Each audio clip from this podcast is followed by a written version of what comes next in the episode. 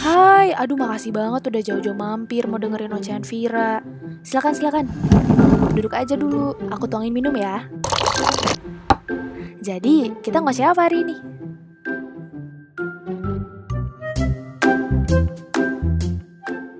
Halo semuanya, selamat datang di Ocehan Vira Dan kali ini mungkin adalah salah satu episode terspontan aku Karena ini mumpung aku lagi nih ya, lagi boiled up, lagi uh, demen-demennya sama drakor startup. Iya, jadi aku pengen banget ngebahas drama Korea startup. Oh ini kok aku kayak nggak ada intronya dulu ya? Um, Kayak langsung tutup poin banget. Iya, ya gimana ya orang emang lagi lagi seneng aja dan lagi pengen apa ya butuh wadah untuk uh, menceritakan kenapa ya aku bisa suka gitu loh. Dan apa mungkin teman-teman di sini ada yang bisa relate? Nanti jangan lupa kita ngobrol-ngobrol ya. Oh iya mungkin ini buat intro aja teman-teman aku mau ngabarin kalau Ocean Vira sekarang udah ada di Instagram. Nah, jadi di situ ntar kita bisa ngobrol-ngobrol bareng, terus kita bisa bertukar pikiran bareng. Pokoknya bisa seru-seruan bareng, jadi jangan lupa buat follow Instagram at Ocean Vira, oke? Okay?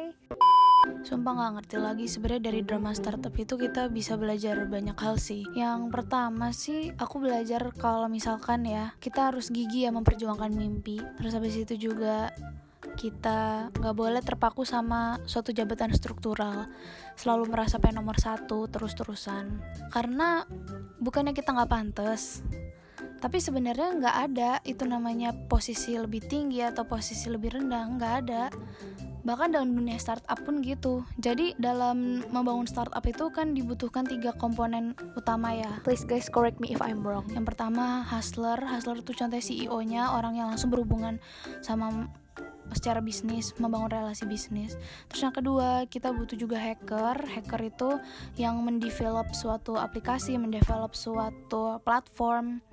Biasanya berhubungan dengan coding gitu ya kalau dalam film dan dan hipster yang dia juga mendesain membuat masyarakat tuh jadi tertarik gitu sama aplikasi atau platform tersebut karena kan eye catching ya dengan desain tersebut. Jadi kita nggak sepatutnya untuk merasa lebih rendah atau tidak sepatutnya merasa lebih tinggi karena masing-masing dari kita punya porsi kita sendiri. Untuk yang hustler itu posisinya memang untuk relasi bisnis, kalau yang hacker untuk mendevelop dan untuk hipster untuk mendesain dan nggak bisa kita bekerja satu sendiri itu aja.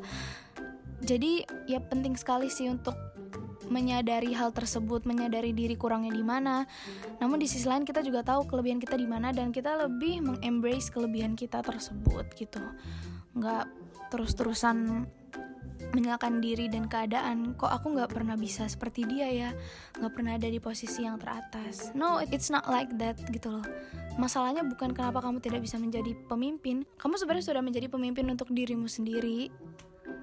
Tapi untuk yang posisi kali ini kamu mungkin lebih dibutuhkan untuk posisi yang lain. Dan kalau misalkan kamu merasa nggak ada, nggak mungkin nggak ada sih, nggak mungkin banget.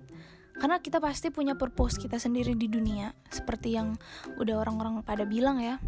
Setiap orang, setiap manusia itu diciptakan pasti memiliki kelebihannya masing-masing dan kekurangannya masing-masing dan tugas kita adalah untuk bisa bekerja sama berkolaborasi saling melengkapi kekurangan satu sama lain gitu. Jadi sebenarnya somehow drama ini sedikit memberi aku tamparan yang pertama dan yang kedua supaya sadar kalau ya mungkin posisi kita bukan di situ aja gitu loh. Dan dan iya sebenarnya semua tuh sama gak sih di mata Allah? Yang membedakan kan cuma amalan aja. Dan itu hal seperti itu bisa kita terapkan juga dalam kehidupan sehari-hari. Kita nggak boleh merasa paling tinggi atau merasa paling rendah. Jadi ya terima aja apa pun kelebihan kita punya dan kekurangan kita punya dan berusaha buat memaksimalkan itu semua. Mungkin awalnya pahit ya kita untuk berdamai sama kekurangan kita. Tapi kalau misalkan kita udah bisa nerima itu pasti ke depannya akan lebih mudah. Kan namanya juga udah legowo ya istilahnya udah nerima. Jadi insya Allah pasti ke depannya akan lebih mudah. Sangat jauh lebih mudah. Terus aku juga seneng sama semangat-semangat dari film itu. Gimana mereka semangat buat ikut perlombaan gimana mereka serius untuk mengejar mimpinya dan di mana mereka semua bisa totalitas ketika bekerja. Itu aku suka banget sih. Dan film ini juga ngajarin kita buat berbuat baiklah secara random. Karena atau kita nggak tahu itu akan membawa kebaik membawa kita ke kebaikan yang mana. Berbuat baik itu nggak akan menghasilkan hal yang buruk nggak sama sekali. Sedikit perbuatan baik kita itu pasti akan ada balasannya nggak tahu kapan entahlah. Tapi pasti insya Allah akan ada tangan-tangan baik kita. Dan harus yakin kalau kebaikan kita itu akan berbuah sesuatu di masa depan nanti. Ketika dilakukan dengan ikhlas dan tanpa balas tanpa mengharap balasan. Seperti yang dilakukan oleh neneknya Sodalmi. Keren banget sih ini film jujur aja. Aku tuh senengnya kenapa ya? Karena ketika aku lele ya dan aku nonton film ini atau dengerin soundtracknya aku tuh ngerasa kayak ditampar aku ngerasa kayak ayo bangun kamu mau sukses atau enggak? gitu loh. Karena dari musiknya aja itu sebenarnya udah semangatnya itu udah ada banget. Jadinya ngebuat aku terdorong buat oh aku juga bisa aku bakal ngelakuin hal yang sama. Meskipun aku berbeda sama orang itu nggak apa-apa. Atau meskipun aku harus mulai dari awal dari nol itu nggak apa-apa. Dan ini juga harus dilakukan dengan perhitungan sih. Jangan takut untuk mundur beberapa langkah atau turun beberapa lantai dulu sebelum kita akhirnya bisa boost up ke lantai yang lebih tinggi atau tempat yang lebih jauh.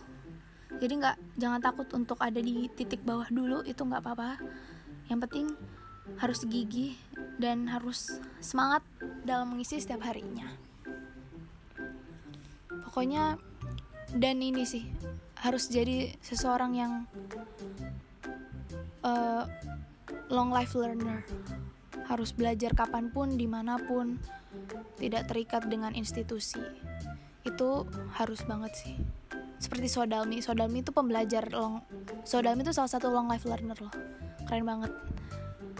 Ntar coba teman-teman yang belum nonton coba nonton. Intinya aku aku bahagia banget sih bisa nemuin ada jenis drama seperti itu yang sangat relate dengan kehidupan kita sehari-hari dan bisa diaplikasikan ke jiwa jiwa-jiwa yang sedang krisis ini. Nggak sih sebenarnya ya kita semua pasti punya kekhawatiran masing-masing ya.